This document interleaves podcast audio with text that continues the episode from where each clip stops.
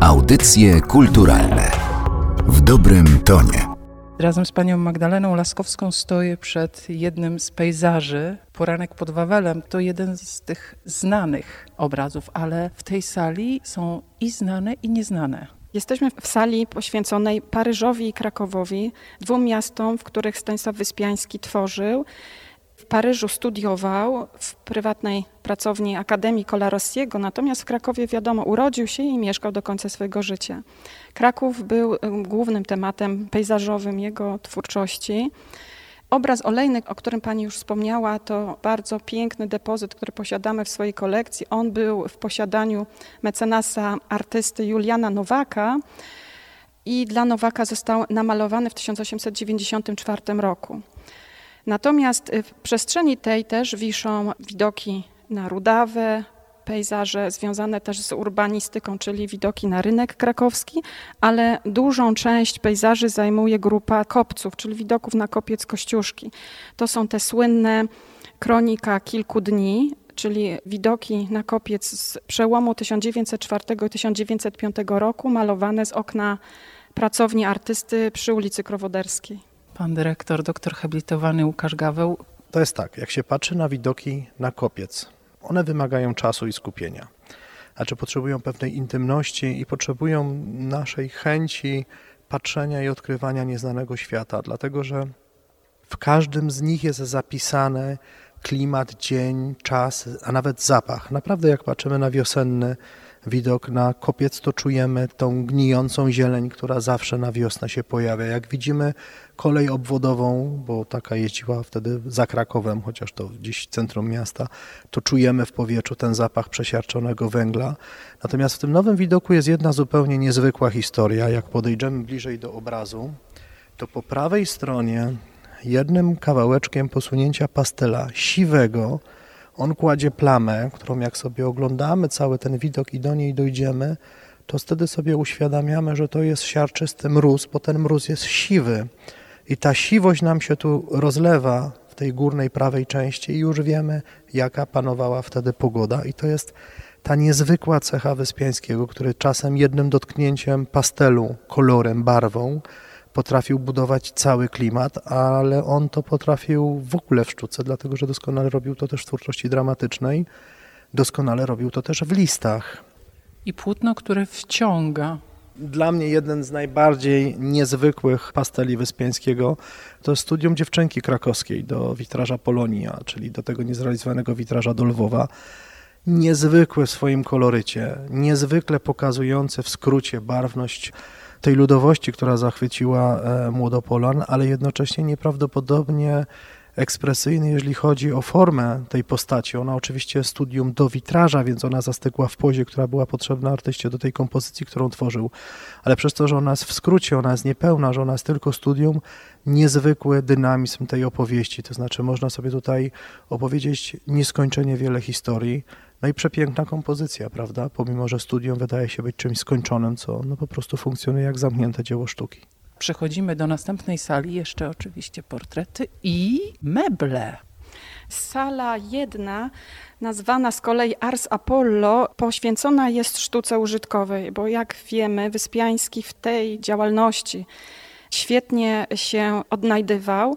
Nie rozróżniał sztuki wysokiej, sztuki niskiej. Dla niego rzemiosło artystyczne było równie ważnym elementem twórczości, jak i, i malarstwo czy grafika. Bardzo charakterystyczny design tak, o meblach tych, szczególnie dla Żeleńskich, powstały eseje już e, z czasów ich powstania, to znaczy złośliwy Tadeusz Bojżeleński opisał je w plotkach swoich, ponieważ nie był w stanie z nimi wytrzymać więcej niż dwa lata i radośnie odsprzedał je do Zakopanego, do jednego z sanatoriów, ponieważ ze względu na swoją absolutną niepraktyczność, niewygodność nie sprzyjały jakiemukolwiek funkcjonowaniu w ich domu, a tym bardziej, że jak zwiedziano się, że Wyspiański całość mieszkania ich zaprojektował, ponoć z dworca przychodzili ludzie, pukali do drzwi i traktowali ich mieszkanie jak oddział Muzeum Narodowego w Krakowie. No tego akurat Żeleński zdzierżyć już nie mógł. Na ekspozycji możemy zobaczyć, jak spójnie to było wszystko przemyślane. To był swoisty Gesamtkunstwerk, czyli wszystko, co znajdowało się w danej przestrzeni, począwszy od sufitu, podłogi, ścian, przez meble i detal, było spójne, razem, jednorodnie zaprojektowane począwszy od koloru, czyli kolorystyki, bo na przykład salon żeleńskich to jest amarant z jesionowym drewnem, czyli z takim drewnem koloru miodu. Na ścianach wisiały też amarantowe zasłony, przesłony. Firany też były muślinowe, farbowane na podobny odcień. Jedynie co nie pozwolono im pomalować akurat w tym mieszkaniu na Krowoderskiej sufitów, bo to było mieszkanie wynajmowane i tam zbicie plafonów XIX-wiecznych nie wchodziło w grę.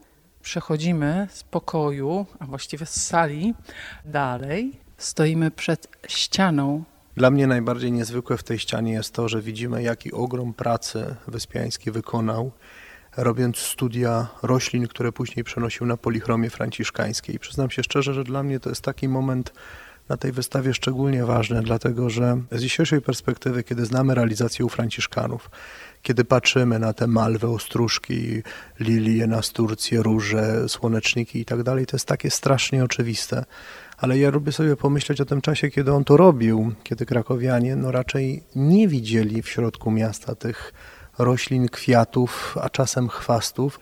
Ja nie jestem pewien, czy Van Gogh kochał irysy, ale jestem przekonany, że Wyspiański swoje kwiaty i rośliny, które tak pieczołowicie tworzył na potrzeby Franciszkanów, kochał bezgranicznie. To idziemy dalej. Idziemy dalej. Teraz możemy poczuć się jak we wnętrzu katedry Wawelskiej i Katedry Lwowskiej. Widzimy trzy projekty witraży wawelskich, które Wyspiański przygotowywał no, w ukryciu, miarę ściągał pokryjomu. Trzy absolutnie niezwykłe, rozłamujące konwencje, eksplodujące talentem projekty, które do dziś robią niezwykłe e, wrażenie, czyli Kazimierz Wielki i Święty Stanisław. Jak popatrzymy na te twarze, to są wizerunki, które mogłyby powstać dzisiaj i nikt by nie uwierzył, gdybyśmy powiedzieli, gdybyśmy je wyjęli z kontekstu, że to jest coś, co namalowano tak dawno, mogłyby być. Ja mówię, że to są postaci z uniwersum dowolnej powieści science fiction, że mogłyby tak funkcjonować. U świętego Stanisława na środkowej kwaterze po prawej stronie jest wciąż żarzący się ląd świecy, która przecież nie pali się już od wielu, wielu, wielu, wielu lat. I to jest zupełnie niezwykłe, jak pomyślimy sobie, że to było zaprojektowane dla szkła, dla witrażu.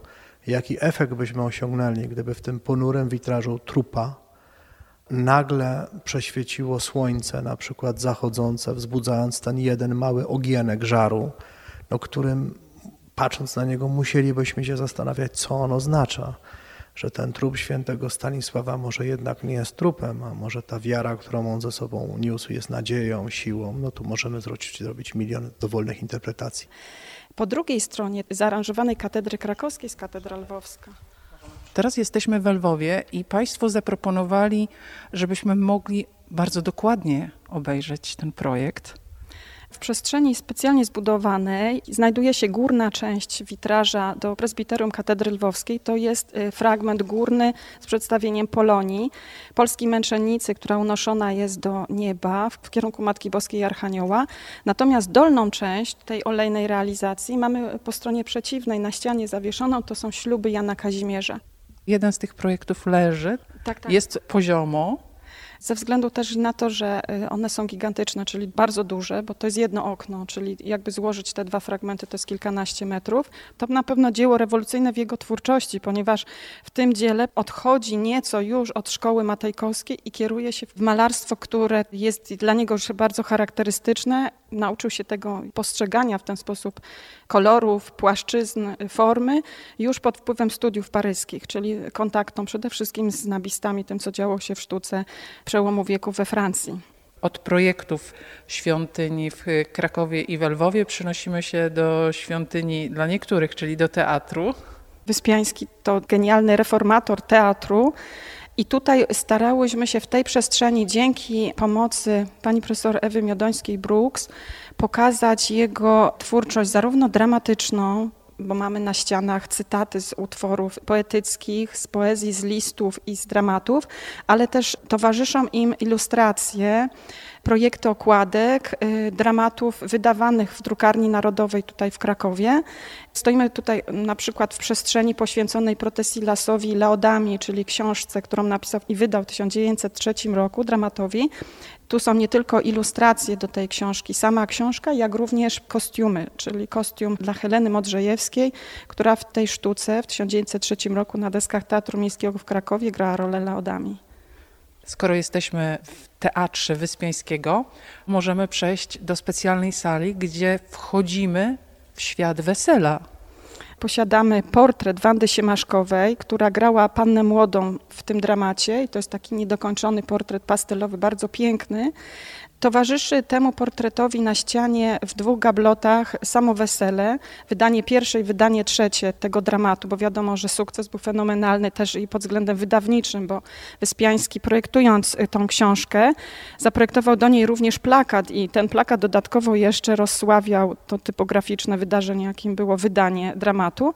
Natomiast jest tu taki czarny podest, na którym można przysiąść i z dwóch stron, na dwóch białych ścianach leją się od góry do dołu cytaty z wesela, głównie poświęcone tańcowi, motywowi tańca, a po drugiej stronie za plecami widzę cytaty z wyzwolenia, z kolei poświęcone artyście, tworzeniu i Polsce, bo też te problemy się tutaj Polska plus twórczość plus artysta przenikają.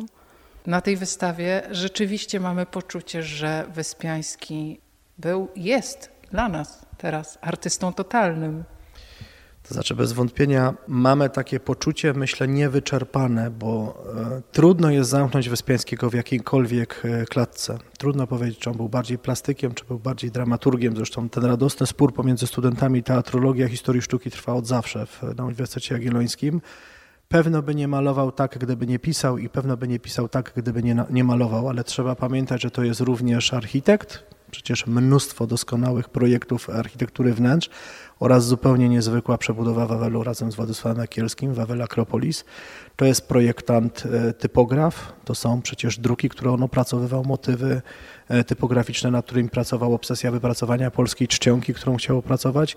To jest projektant mebli, czyli designer, jakbyśmy dzisiaj powiedzieli. Faktycznie tych pól aktywności Wyspiańskiego jest nieskończenie wiele. I to czyni tak naprawdę z tej postaci e, tak niezwykłego artysty. To znaczy można by spokojnie Wyspiańskiego podzielić na trzy, cztery postaci i dalej byłby wybitnym artystą. A jak go sobie uświadomimy, będąc na tej wystawie, że to wszystko stworzył jeden człowiek, no to wtedy jest bezdyskusyjne, dlaczego jest to najwybitniejszy polski twórca. Audycje kulturalne